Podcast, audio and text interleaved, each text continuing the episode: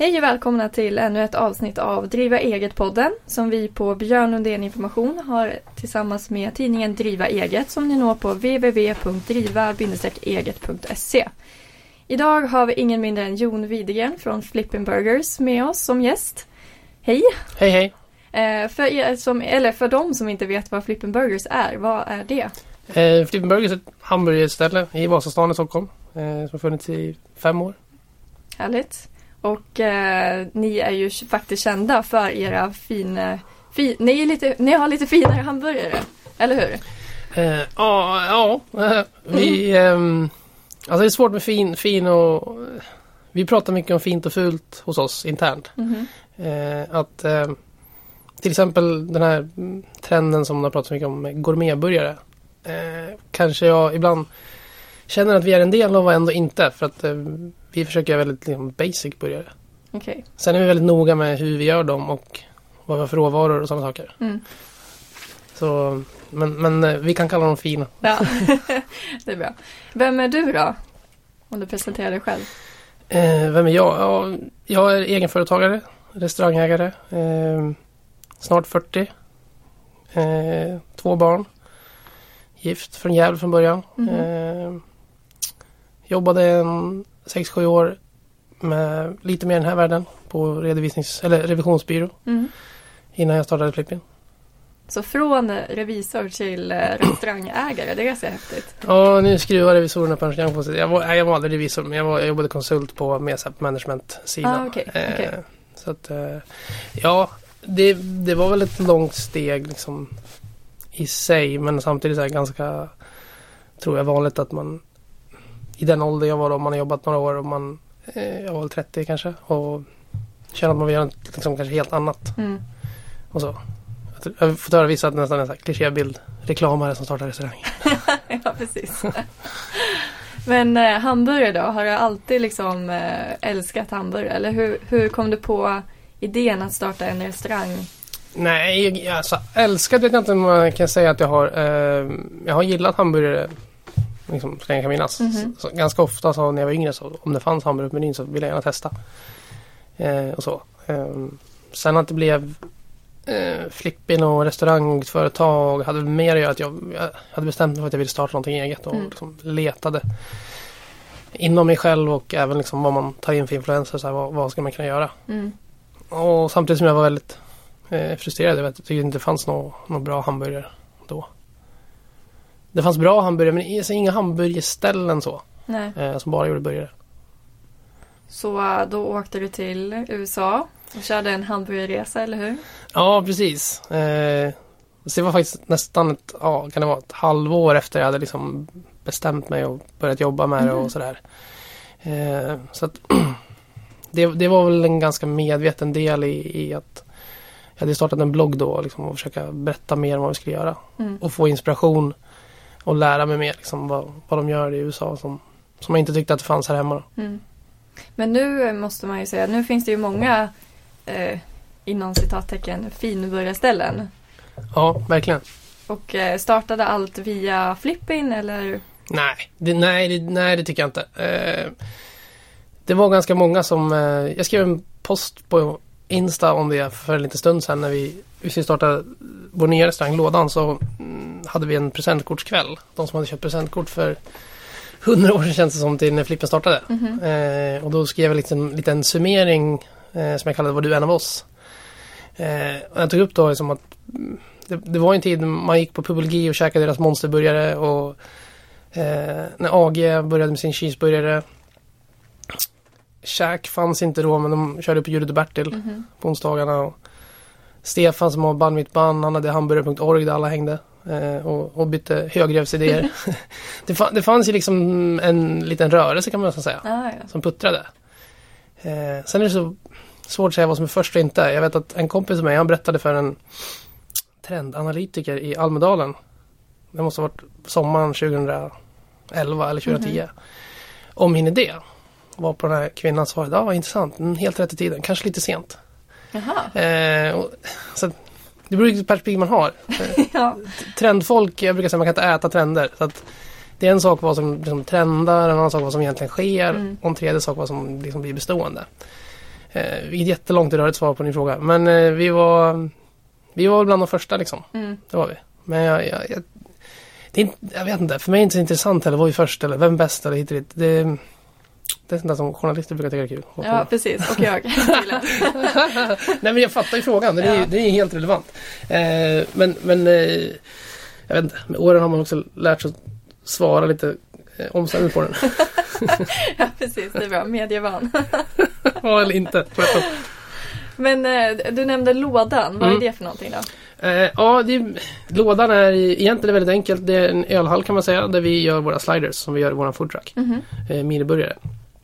Eh, så när man utvecklar lite grann så har vi medvetet eh, hållit lite diffust för det själva också. Att, eh, jag valde att, kalla det lådan eh, för att det ska få vara lite grann som en låda där olika saker kan hända. Eh, som en gubben i lådan eller man drar en idé ur en låda. Mhm. så, bakgrunden är att vi, vi behövde bygga ett, eh, ett större kök. Dels för att kunna preppa för våran foodtruck och sen för att vi hade en liten expansionsplan med att, att göra lite fler saker. Och att vi är väldigt trångbodda Flippin. Mm. Eh, Det finns vissa saker på Flippin som jag känner att vi inte har gjort än och som jag skulle vilja göra. Eh, och eh, ta liksom Flippin till nästa nivå. Och det för mig var mer intressant än att försöka liksom öppna tio Flippin Burgers. Mm. Så, så det var en kombination. Vi hittade en, en väldigt nedgången gammal restaurang i en, i en väldigt stor lokal. Så vi har totalrenoverat 600 kvadratmeter i över ett år. Eh, Wow. Så vi byggt ett kök på 150 kvadrat. Sen kan man säga då, som en ölhall typ på 300 kvadrat. Eh, så på, från jämfört med Flippen så skiljer det så att man går och beställer sin mat i en lucka, i en matbar. Ja, okej. Eh, menyn är faktiskt egentligen då mer omfattande än på Flippen och samtidigt mer liksom eh, det är, Vi inte kallar det det men det är nästan som en eh, ja, amerikanska tapas. Liksom. Ja, okej. Vi, har, vi har sliders, ostbollar, friterad gurka en liten falafel, lite såna grejer. Allting kostar kring 50 spänn och så kan man välja själv om man äter fem grejer eller tre. Mm. Eh, och sen i baren så har vi bara svensk eh, hantverksbärs. Eh, som man kan prata hur länge som helst om hur man definierar men ja, små bryggerier som, Mm. som inte är stora drakar och som gör riktigt god bärs.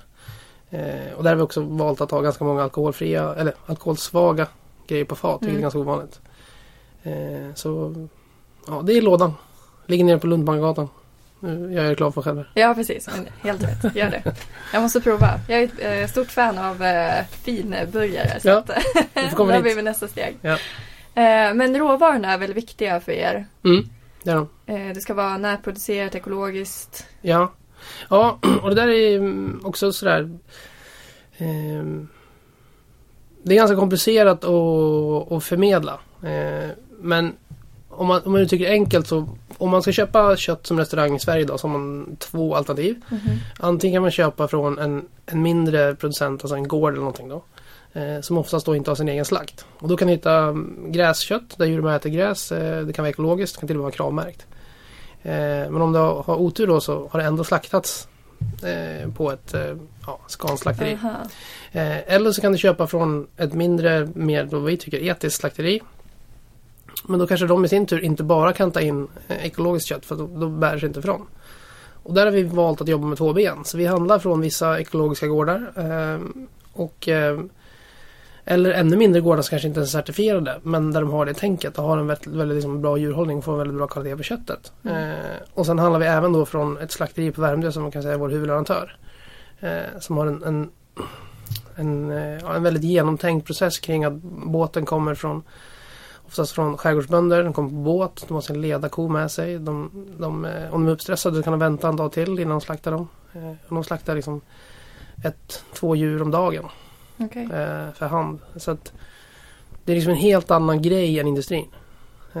Och det, det är viktigt för oss och vi tar dit all vår personal som får se en slakt. Aha. Så de får se vad det innebär och, och så. För jag tycker man ska vara medveten om att det vi säljer är ju eh, döda djur. Mm. Eh, och jag har ju såklart någonstans gjort valet att det är okej för mig. Mm. Jag ska inte göra det. Men jag tycker inte att det frå- fråntar ansvaret för hur de djuren haft det, hur tänket eh, är bakom och sen i det större perspektivet hur, hur liksom hållbar eh, är hela liksom vår affärsidé. Mm. Och det finns ju en väldigt intressant diskussion nu om man jämför när vi startade och det var den här liksom megakötttrenden.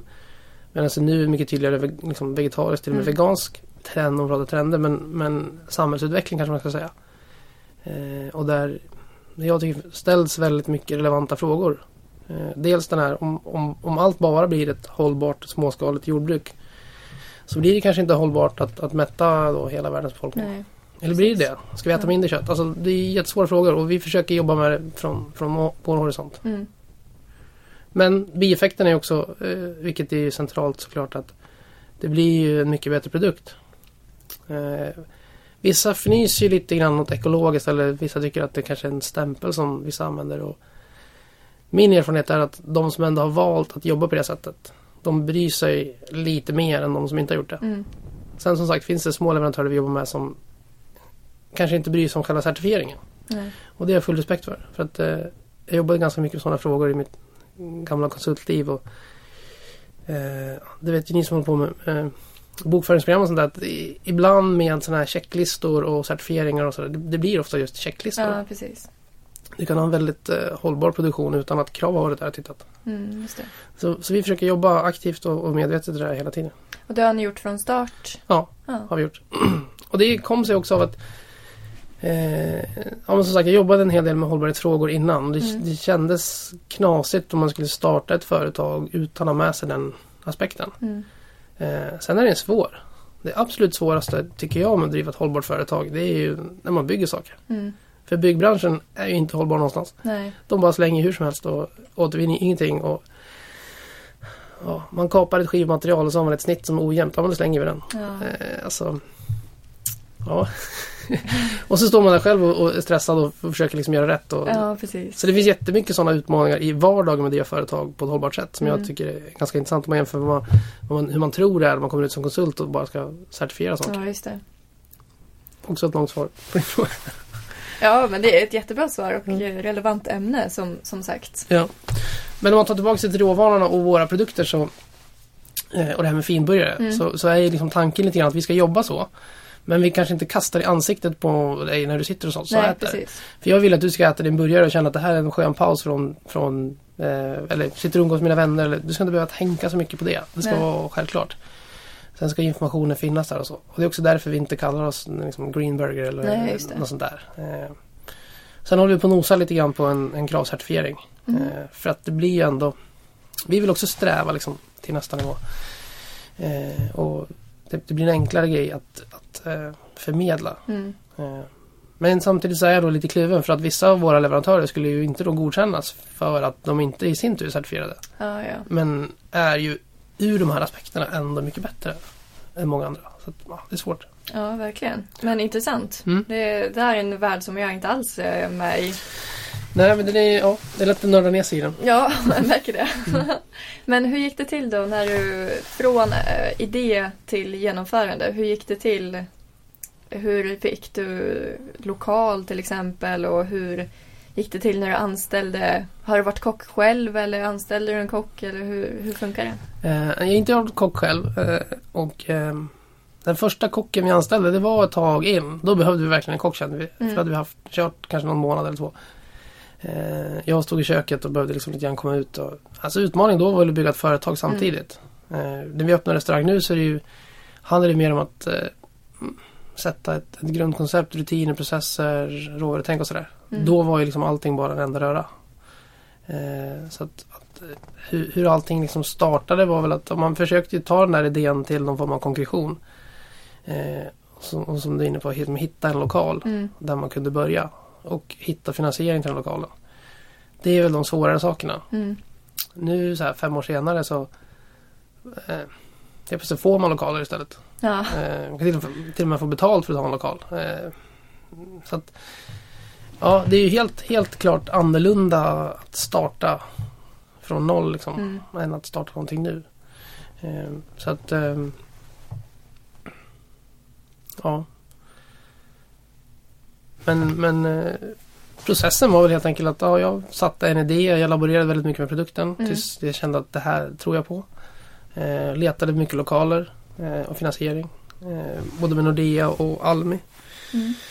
Och, så, eh, och sen så mm, till slut så hittade vi en lokal med ett andrahandskontrakt. Då, då blir det liksom enklare för att då behöver du inte... Alltså, lokalmarknaden fungerar ju så att du köper ett hyreskontrakt. Mm. Det är så det går till. Eh, helt lagligt vill jag bara lägga till. eh, och, så, och de kan ju kosta väldigt mycket pengar. Ja. För egentligen köper du en gammal restaurang. Ja, och du vill det. inte betala för den för den var oftast kanske inte bra. Mm. Och du ska göra något annat men det blir ändå så. Eh, men vi hittade en lokal som vi hyrde i andra hand och då, då sjönk allting budgetmässigt ner till en mer Ah, hanterbar okej. nivå. Liksom. Eh, ja, så att, från att vi hittade lokalen tills vi kom in där så var det bara tre veckor innan vi öppnade. Liksom. Ja, okej. Och hur fick ni, hur marknadsförde ni er? Så att ni fick in era första gäster? Så.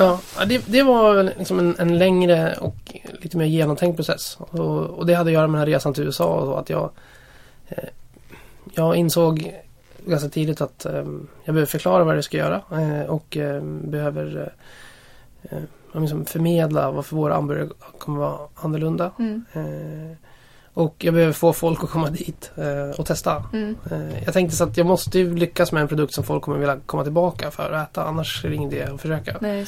Eh, Men nu ska man få dem att komma dit första gången. Liksom. Mm, Eh, Så att, därför så startade jag den här bloggen Flippin Burgers då. Där jag liksom beskrev inte bara okej hur gör vi hamburgaren utan även själva resan i brist på bättre ord med, med eh, ja, hur jag lär mig att driva restaurang Mm. helt enkelt. Eh, så att det höll vi på med, eller jag höll på med ett, ett år innan, innan vi öppnade. okej. Och sen hade vi den här eh, crowdfunding-kampanjen då, som, som mer var liksom en marknadsföringsdel kan man säga. Eh, det var ganska viktiga pengar för mig just där och då men det var liksom egentligen ingen stor pott i, i företagsinvesteringen. Mm. Men allt det där sammantaget gjorde att det blev någon form av snöbollseffekt som att vi fick väldigt mycket publicitet innan Mm. vi öppnade. Om vi skulle göra en sån grej nu så skulle vi dels inte få det för att eh, vi är liksom inte underdogs och Nej, det. det finns som sagt den här, den här storyn där finns inte på samma sätt. Eh, Men också skulle jag säga att eh, den typen av ställe vi var då.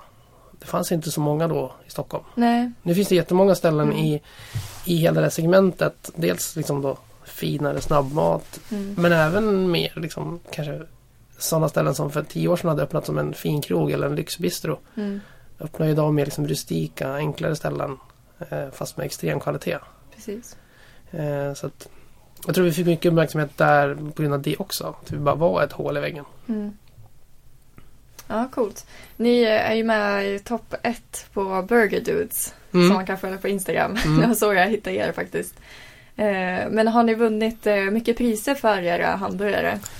Eh, ja, vi har väl Vi fick allt om Stockholms Det var lite kul för det var inte bara burgarställe. Det var stans bästa restaurang i I liksom budgetkategorin. Mm. Om jag minns rätt. Och det som är kul med det är att det är, då är det ju liksom folket som har röstat. Eh, och sen har vi fått några sådana här CNN eh, Deras här CNN Travel. Jaha, De utnämnde oss till Europas femte bästa amerikanska restaurang. wow. Ja, det låter ju så väldigt flådigt.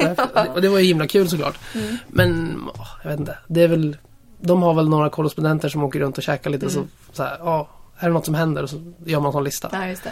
Tror jag att det funkar. Sen eh, en annan sajt, eh, Daily Meal i USA som sen, ja det låg även på Huffington Post då. De sa, de hade en lista på de tio bästa burgarställena i världen utanför USA. Oj, Eh, där de hade oss nummer ett. Eh, wow. Ja, det var jättekul. Sen har det diskuterats huruvida vi var etta eller om var, liksom, var det bara ordningen på bildspelet och hit och dit. Om, alltså, jag ska helt ärlig, vi, vi funderar inte så jättemycket över det liksom, dagligdags. Och nu är det några år sedan också. Mm. Eh, men det är klart att det är roligt att få uppmärksamhet. Eh, och vi, vi har fått en del uppmärksamhet internationellt som, som är kul. Mm. Eh, så att ehm, det, det är väl de priser vi, vi har fått tror jag. Ja. Eh, jag vet inte om jag glömmer något men jag tror inte det. Hur- har du åkt runt i Stockholm eller i Europa också och testat de här ställena? Av ren nyfikenhet. Inte så här konkurrentanalys kanske men Ja, bara... ja, på den där Europalistan har jag testat några stycken. Ja. Eh, för det var några Berlinställen där som var med. Och sen har Mm. jag provat ett ställ, några burgarställen i Barcelona, Köpenhamn Mm. eh, och sådär. Ja, men tidigare när jag var ute och reste så kanske det blev att man testade en burgare. Mm. Nu gör jag inte det. Nähä. För att, eh, det finns så mycket annan bra mat som är rolig att upptäcka och sådär. och, och sen så har vi också blivit Jag ska inte säga att vi har blivit gamla och trötta för det har vi faktiskt inte alls. Eh, och vi jobbar fortfarande med det grejer internt men Mm. vi är lite sådär att vi Vi tror på det vi gör och, och Jag kan säga ett ställe när jag käkade cheeseburgaren på Little Owl i New York. Mm. Eh, för den missade jag på min resa. Sen åt jag väl för två år sedan nu. Mm. Då blev jag faktiskt ställd. För jag, så här, jag kunde inte fatta vad de har gjort med den. För den var så himla god. Eh, och, och då kan man liksom fundera liksom, hur gör de? Men den enkla sanningen att utmaningen för oss är väl mer att, att hålla en konsekvent nivå. Mm. Att, att hålla kvalitet när liksom den 714 hamburgaren går ut en lördag. Ja, det. Eh, och det får vi veta ganska fort när vi inte gör från våra gäster. Mhm. Så att, De eh, är kräsna. ja, vi, är- vi är på tårna. Ja. Och det är mycket, du vet, folk gillar att skriva så här, "Ah, nu har flippen tappat eller det är inte som det var förr och sådär. Det kan ju ibland vara så enkelt som att det är inte som när du var här förra gången, för att då Precis. hade vi en dålig dag. Eller idag är köttet mycket bättre, eller det kan vara alla möjliga anledningar. Mm. Ehm, eh, så, att, så att vi, ja, vi jobbar mycket fortfarande med våra interna processer och Mm. liksom vår kvalitet. Men vi kanske inte sneglar jättemycket på vad som liksom händer i börjarvärlden. Nej, just det. Sen har jag väl testat de flesta ställen i Stockholm sådär. Jag tycker att alla, alla är bra på olika sätt och Mm. alla har sin modell. Mm. Men, men det som händer på hamburgerscenen just nu är väl att nästan alla öppnar eh, flera ställen. Mm. Alltså att det blir kedjor. Just det. Och det var liksom inte våran grej alls från Nej. början. Och det, Nej, ni, ni, det kommer aldrig hända. Nej, det, var, Eller det, var, vad det, är vågar jag, planen? fa- ja, men det vågar jag faktiskt säga att det Mm. inte kommer. Okej. Ehm, och nu har vi väl lite grann det för oss själva i alla fall. När vi, ja, vi startade en foodtruck Mm. som vi kallade Sliders. Vi startade Lådan som är lite som ett fiktivt garage för, för foodtrucken. Mm. Eh, där vi också började liksom, men vi... Ja, det är inte flippen. Vi försöker inte standardisera flippen på det Nej. sättet. Och sen så i- hoppningsvis innan sommaren så öppnar vi våran nya korvbar Dogfood. Ja. Eh, och sen med facit i hand, nu har vi följt den expansionsplanen i två år och nu börjar allting hända. Det blev Mm. en perfekt krock med två restaurangöppningar samma vår. Och jag, jag fick barn precis på premiärkvällen på lådan. Nej, är det sant? Ja, eh, jätteknasigt eh, fast kul. Men eh, vad skulle jag säga? Jo, att eh, vi har ju tagit en ganska omständig väg för att på något sätt kapitalisera på varumärket Flippin och, Mm. och för att göra en expansion. Så jag vågar nog tro att jag är ärlig när jag säger att eh, det kommer inte bli fler Flippin Burgers för att Nej. då har de här senaste två åren varit ganska eh, knasiga i Mm. så fall. Strategiskt. Men hur, hur hanterar du att eh, ditt företag växer så pass mycket som det gör? Hur många anställda är ni nu? Vi närmar oss 60 eh, och ganska länge var vi runt 30. Um, ja, hur hanterar man det? Det är jättesvårt. Mm. Är det. Eh, och det är inte helt enkelt. Och vi har haft en ganska kraftig växtverk senaste året. Mm. Bara det att vara byggherre för ett stort bygge är ju, det säger ju alla krögare. Det är, ja, det, är inte kul. det är tufft. Eh, men, men ett lite mer konkret svar på din fråga så jag bestämde mig för, det är väl nu tre år sedan då, att när vi sa att vi hade flyttat till Odenplan, vi hade blivit en större restaurang än var från början och allting rullade på. Eh, och jag kände att jag, det enda jag höll på med var liksom personal och administration. Mm. Och kände att det här vill inte jag hålla på med på det sättet. Eh, så att jag bestämde för att jag skulle ta in en personalchef och en ekonomichef. Mm. Men i den stund man gör det så måste man nästan skissa på en expansion redan där för att det, det går inte att bära det med en restaurang. Liksom. Så det är svårt att säga vad som är hönan och ägget. Men då satte jag en strategi att okej, vi ska ha Vi ska göra saker som utgår från det vi tror att vi kan. Eh, typ snabbmat, streetfood med kvalitet i volym. Mm. Eh, och, eh, och då blev det liksom ett naturligt steg. Okej, vi testar att göra en foodtruck. Och så efter det tänkte vi skulle göra en korvkiosk. Som sen nu blev mer en barrestaurang. Men ja, ganska enkla koncept. Mm. Och sen lådan då, som skulle liksom bara vara ja, mer, mer ett, en bakficka och, och ett produktionskök. Mm. Och sen så blev det ett mycket, mycket större, för att ja, den här lokalen kom då som, som var så stor för oss. Eh, och väldigt stora investeringar också Mm. för oss. Så då blev allting på en annan skala kan man säga. Eh, men eh, man hanterar det genom att sätta strukturer och bygga organisation. Där har jag väl med mig kanske ett, ett annat, inte ett annat, men ett tänk från eh, mitt tidigare arbetsliv. Eh, som konsult. Konsultvärlden är liksom experter på att sälja in någon, någon flashig tjänst. Ja. Och sen när utdraget ska utföras då står det någon stackars nyexad student där och, och, och ska liksom ta på sig kostymen. Det är en väldigt effektiv affärsmodell. Mm. Eh, kanske inte alltid helt ärlig.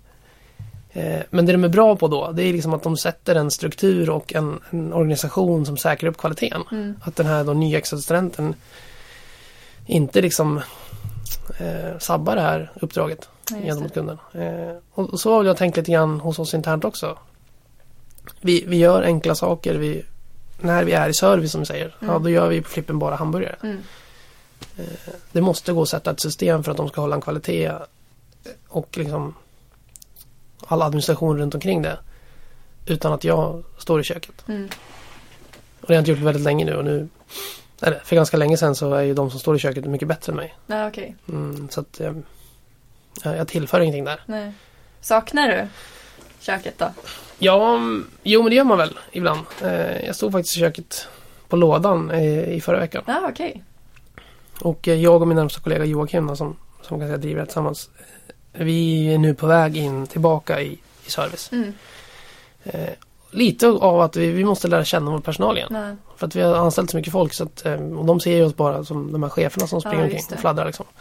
Och, och där tror jag mycket på att det går liksom inte att att lära känna någon vid ett skrivbord. Du måste Nej. ju stå där och, och göra saker ihop. Ja, Mm. så är det faktiskt. Eh, så att ehm, så, så, Ja, man får också hålla tror jag ett öppet sinne kring sin filosofi. Jag har haft som sagt en filosofi att strukturera upp, organisera, delegera och sådär. Och sen får man inse att om nu kommer till punkten det behövs lite mer av det andra. Mm. Eh, Så då får, då får man anpassa sig till det. Just det. Men det är svårt också för att vi Både jag och Joakim har två småbarn var. Ja, Eh, Så kvällar och helger är lite tufft. Liksom. mm, jag förstår det. Men, men det funkar.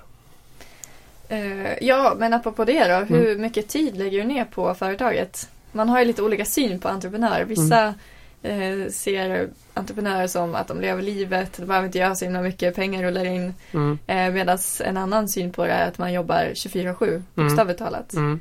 Så hur mycket tid lägger du ner skulle du säga på, på företaget? Alltså i ren, i ren arbetstid så har jag ganska länge haft normala arbetsveckor. Mm. Eh, sen är det ju ibland lite diffust vad som är jobb och inte. Eh, ibland, ja men som när man bygger restaurang, det kanske helt plötsligt kommer på det själv. att Du har suttit och googlat mellan 22 och 01 på Ja. kvällen efter någon, någon, någon konstig grej som du behövde till någonting. Eh, eller någon maskin eller någonting. Mm. Men du har liksom inte tänkt på att du har jobbat så. Eh, men eh, jag har varit föräldraledig i sex månader med mitt första barn. Mm. Jag ska vara det nästa vår med mitt andra barn. Och I de lägena så, så är det klart att det blir ju inte helt att man stänger av. Nej, Man kanske går in och jobbar en kväll, det kanske är enklare då. Eh, men jag är ingen 24-7-företagare. Nej. Det är inte. Men, men det är också åt andra hållet så när, man har sin egen grej. Igår kväll, eller egentligen de senaste fyra kvällarna så har vi ute och gått med barnvagn. Eh, eftersom min son är ganska nyfödd och skriker. Så jag har liksom promenerat mellan halv nio och elva på kvällarna. Ja. Och det är ganska lätt att då går jag till flippen och så kollar läget, Ah, stämmer av okej. lite grann. Mm. Så gick jag ner till lådan. Igår stod jag i våra nya lokal där vi ska göra dogfood korvbaren och, och kollade om elektrikern hade gjort vad han skulle och sådär. Mm. Eh, det tänker jag inte att jag gör, alltså att jag jobbar. Nej, just det. Sen en annan grej som jag tror kanske är viktigare då, det är att när man är hemma eller är med sin familj att man då mentalt försöker vara där. Mm. Eh, och det, det är svårare perioder men generellt sett så vågar jag säga att jag är ganska bra på det. Mm. Det är väl nyttigt för allas skull, hälsans skull också. Ja, jag tror det. Eh, och sen är det ju helt beroende på hur, hur eh, vad man har för affärsmodell, Mm. vad man säljer för produkter, hur Precis. företaget går, eh, vad man har för organisation och kollegor liksom hur man kan göra det. Jag har väldigt stor respekt för att man kan vara i lägen där det inte alls går. Mm. Du måste jobba 24-7 bara för att överleva. Mm. Eh, jag menar, jag, där har jag också varit Mm. i början. Precis. Men eh, nu kommer min eh, standardfråga för er som Mm. lyssnar eh, frekvent. Bokföringen Mm. och eh, administrationen kring allt pappersarbete. Mm. Hur eh, funkar det och hur har det funkat? Har ni skött det själv eller har ni anlitat redovisningsbyrå eller? Bok, bokföringen har vi faktiskt aldrig skött själv. Eh, den la vi ut tidigt på externt. Mm. Så i början hade vi löner, bokföring, ja, nästan all ekonomi admin hade vi externt. Mm.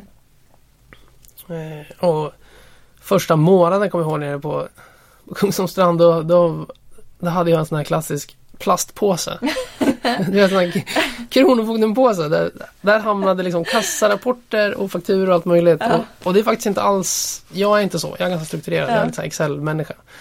Men då var det så kaos så att då bara blev det så. Och sen fick jag sätta mig, jag tror det tog två dagar att reda ut den här påsen. Eh, Ja, det var ju schysst att det var du som gjorde det där, ju inte Nej, precis, Nej, men det, var, det var en salig blandning av allt möjligt så att, Ja. eh, jag var tvungen att reda ut den. Sen jobbade vi med, med en, en extern byrå i några år. Mm. Tills jag rekryterade en, en ekonomiansvarig. Ja. Eh, och hon är revisor, hon gått på Handels och kom ifrån ett företag som var liksom långt mycket större Mhm. än vårt bolag. Mm. Eh, och det var medvetet för jag kände att vi behövde liksom även den mer strategiska kompetensen. eh, och då tog hon egentligen beslutet. Jag sa det är lite grann upp till dig hur du vill Mm. göra det här. Men då vill hon ta hem allting. Ja, okej. Så nu gör vi allting själva. Och hon, gör, ja, och hon gör allting. Eh, och så får vi se hur länge vi kan göra det. Tills, tills, för det får inte heller bli att, hon bara sitter och, och, och knackar liksom, Nej, eh, bokföring. Eh, men, men just nu så tycker vi att det är en bra balans. Mm. Perfekt. Mm. Eh, jag hoppar lite mellan ämnen, men nej. eh, bordsbokningen. Eller ni har ju inte ens någon bordsbokning. Vad Nej. är tanken bakom det? Eh, ja, det finns lite olika tankar. Mm. Från början så var det väl, tror jag så enkelt att det känns avancer- avancerat att hantera bordsbokningssystem. Vi hade ingen aning hur man gjorde liksom. Nej. Eh, Utan vi, öppnar dörren så får folk komma in bara. Eh, och vet att ja, min kollega Jocke då första dagen sa att vi kanske ska ha en tavla, vi kan skriva upp folk ifall det blir kö. Ah, Eh, så då, vi hittade någon gammal griffeltavla som låg i den här restaurangen vi hade tagit över. Så hängde upp på väggen och så skrev vi upp första namnet första dagen. Sen har jag aldrig kunnat tagit ner den. Eh, och sen så har det där liksom eh, förfinats till en process där vi varje kväll har en hovmästare Mm. som bara hanterar liksom kölistan. Eh, vissa stör sig lite på det. Vissa vill gärna boka och så. Mhm. Men vi tycker att det är enklast och mest rättvist att, att eh, vi öppnar ju rätt tidigt vid fyra. mm. Så vill man verkligen komma och äta och kan gå från jobbet så är det inga problem. Eh, vi stänger 22. Det är nästan aldrig problem att komma och äta vid 9. Nej, Det kan vara en fredag om det har varit lång väntetid innan. det. Vill man äta klockan sju i Stockholm en torsdag, fredag, lördag. Ja, då är det ju som det är på alla ställen. Ja, precis. Eh, så, och då känner vi att hellre då vänta en timme med öl i handen än vänta liksom en vecka på att boka ett bord. Mm. Eh, Så, att- så att så har vi resonerat. Eh, Sen finns det ju såklart, om man har ett bra tryck, så nu finns det ju en ekonomisk aspekt i det också. Mm. Skulle vi nu, nu börja ta bordsbokningar så måste vi ge folk sitttider och vi har folk, ganska Ja, många som sitter ganska kort stund, så Mm. snurrar det liksom.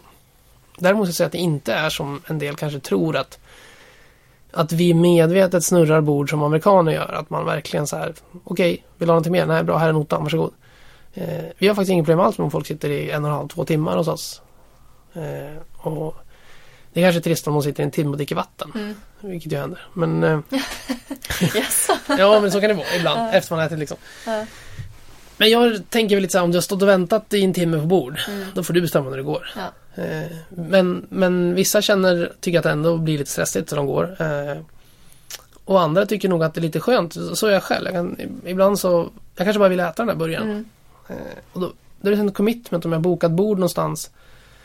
Eh, och planerat och sådär. Det är skönare att kunna slinka in, även om inslinkning då, kanske jag spenderade 45 minuter i baren. Ja. Men jag kanske bara åt på en halvtimme. Precis. Så att den totala tiden ändå är kortare. Ja, vi, vi tycker att det blir mer liksom flex. Mm. Härligt. Eh, nu har ni ju genomfört era framtidsplaner, men har ni ännu fler framtidsplaner med Flippin? Eh, Ja, nej, nej. Nu är det fasiken nog. eh, nu, nu, nu måste vi jobba liksom internt fokus i ett par år tror jag. Mm. Eh, sen får vi se om vi liksom tar... Jag satt, eh, strat- jag satte en strategi eh, 2013, 14 någonting. Eh, efter vi hade liksom kommit ut första fasen av att bara starta och överleva. Liksom. Mm. Sen satte vi en annan strategi som vi nu har jobbat med sen kanske 2015, 2016. Eh, så nu, om man ska säga någonting om, okej, nästa år, ja, då är det två saker. Det är interna processer, rutiner, kvalitet. Mm. Få allting att funka på de här nya ställena. Eh, och sen eh, kommunikation. Mm. Där har vi varit dåliga. Men eh, hur funkar produktutveckling på uh, Flippin? Alltså, Ja. sätter er ner och så bara, ja men nu ska vi ta fram en ny hamburgare. Det är på lite olika sätt. Det, det finns ett långsiktigt ganska uppstyrt strategiskt tänk. Mm. Eh, om man får uttrycka sig så. Där det handlar om att förflytta saker som har ett eh, stort kundvärde. Eh, och där liksom det finns en stor påverkan i produkten om vi ändrar någonting. Mm. Att förflytta de saker som vi tidigare kanske då eh, inte gjorde från grunden själva. Förflytta dem till en plats där vi gör det själva. Eh, samtidigt så fanns det vissa saker som eh, vi höll på med men som bara spiller onödig tid. Mm. Ett konkret exempel, att skära brödet för hand. Eh, köp in en brödskärningsmaskin, bra. Då har vi sparat väldigt mycket tid. Ja. Men vi har inte gjort någonting med kvaliteten. Snarare får det bara bättre, Ja, rakare snitt. Eh, Medan i andra änden då, som vi gjorde förra våren, att vi utvecklade en egen eh, burgarost. Eh, ekologisk, kravmärkt. Eh, på gårdsmjölk tillsammans med Mhm. lite gårdsmejeri. Eh, det, det liksom var den osten är ett väldigt tydlig del av den här mer strukturerade strategiska liksom strävan att när vi gjorde det då kände jag okej nu var en cheeseburgare klar. Ja. För då hade vi tagit vårat eh, bröd som vi utvecklade och fått det, eller bageriet och gjort det ekologiskt. Mm. Eh, köttet var väl det vi liksom kände att vi satte från början. Mm. Eh, och nu hade vi även då en, en eh, den liksom bästa burgarost vi kunde tänka oss. Men fortfarande en burgarost, på tal om Mm. fin och ful. Det är liksom specen till, till mejeriet var gör som en industriost. Eh, den ska se ut och mer eller mindre smaka så fast den ska vara på riktigt. Den ska smaka grädde istället för plast. Eh, vilket den gör då. Mm. Eh, och den processen tog ett år att få fram. Eh, och då kände jag okej nu är vi klara med cheeseburgaren. Sen har vi andra sådana saker som vi liksom vill fortsätta med. Eh, och Anledningen till att vi byggde produktionsköket var ju att vi vill kanske kunna göra våra egna pommes frites. Mhm. För där har vi ja, vi har kört en, en, en vanlig, eller en vanlig, men den bästa vi kan hitta men ändå en, en, en fryspommes frites som Mm. kommer färdig liksom, som vi friterar bara. Eh, och i grundvisionen för Flippen Burger så var det att göra egna pommes frites. Jaha. Men när vi startade då i det där lilla köket så gick det inte att göra det. Och sen när vi flyttade till Odenplan då sa vi att okej nu sätter vi bara allting här. Vi ändrar ingenting. För vi, vi, liksom, vi är större restaurang och vi har bytt Mm. miljö. Vi måste bara få allting att funka. Och det tog ett tag innan vi gjorde det. Och när väl gjorde det då insåg vi att okej. mm, för, förra året, jag har inte räknat förra året, men för, förra året i alla fall då hade vi 25 ton pommes frites. Åh jäklar. Ja. Ja. och innan du liksom bestämmer för att nu gör vi den själv. Mm, det är en ganska rejäl satsning. ja, jag förstår det. Så, att, så att det är ju en av tankarna bakom lådan då, att vi ska kunna Mm. göra det i köket där. Häftigt. Ja. Samtidigt hamnar man där och ja, nu har vi öppnat lådan, nu vill man få det att sitta innan vi ändrar. Ja, just Eh, det. Så att det kanske blir om, om tre år, vem Ja, vet. Men ja. det finns en sån strävan. Just det. Sen kan det finnas en mycket mer eh, lite ad hoc-mässig produktutveckling som handlar om ja, men vad blir nästa månads Mm, burgare. mm. Det kan vara någon i personalen som har en idé eller det kan vara att vi knappt inte ens hann. Så okej, vi plockar ner den här från hyllan som Ja, vi tänkte okej. tidigare. Och så så att, så att det, det går lite båda håll. Mm. Som det, som det sker nu mer i vardagen så är det väl att våran kökschef då, Christian eh, Han antingen kommer med en idé eller så kommer jag med en spes och sen så jobbar han och jag ihop. Ja, okej. Eh, och, så. och sen håller vi parallellt med det hela tiden på och byter ut. Eh, senast nu så bytte vi all vinäger mot ekologisk vinäger. Mhm. Eh, vinäger som vi har i våra inläggningar Mm. eller sådär. Eh, så, så ja, det finns ett, en process. Ja, häftigt. Mm. Eh, för att eh, summera hela avsnittet, höll på att säga. Mm. Eh, vad har du för tips och råd till eh, potentiella företagare där ute som funderar på att starta eller de som precis har startat eller de som har ett rullande företag? Mm. Ja, det blir väl i så fall olika tips. Det är olika. Om man funderar på att starta Mm. så skulle jag säga gör det. Eh, fundera inte mer utan Mm. gör det. Eh, det är jättelätt att säga, svårt att göra. Eh, men jag upplevde att den liksom mentala grejen med att starta företag var tuffare än det praktiska genomförandet. Mm. Eh, sen eh, min käpphäst är att fokusera på produkten. Mm. Vad man än säljer så måste man kunna ha ett mervärde, är så himla tråkigt ekonomord men, men det är faktiskt så. Du måste kunna erbjuda någonting som antingen inte finns eller som finns men är lite bättre eller som inte är lite bättre men är lite någonting annat. Och helst kanske inte tycker jag bara någonting som är lite billigare då. Eh, för att, jag vet inte, det känns inte alltid som att det är så hållbart. Eh, men vi återgår hela tiden till produkten. Mm. Nu när vi öppnade lådan så ja, man, man kan tänka sig alla möjliga inredningskoncept eller olika typer av beställningskoncept eller koncept, koncept, koncept. Mm. Det är så mycket koncept i restaurangbranschen. Men min grundtanke är lite grann att om folk inte skulle kunna komma dit bara för att äta våra sliders då har vi misslyckats. Ja. Eh, och just nu är vi inte helt nöjda med dem så nu håller vi på att jobba mycket med våra sliders för att få dem att känna som att ja, de är precis vad de ska vara. Mm. Så det är, mitt- det är väl kanske råd, det är väl mer till de nystartade. Eh, eller de som funderar på att starta. Mm. Eh, de som håller på har ingen, har ingen råd till, de vet själva. de, jag tror alla har ungefär samma typer av utmaningar. Ja. Eh, ja. Ja men jättebra. Kör ni som funderar på att starta företag. Ja, gör det. Det är ganska intressant för de allra flesta entreprenörerna säger det. Mm. Ni som funderar, har man ens börjat fundera då är det bara att köra.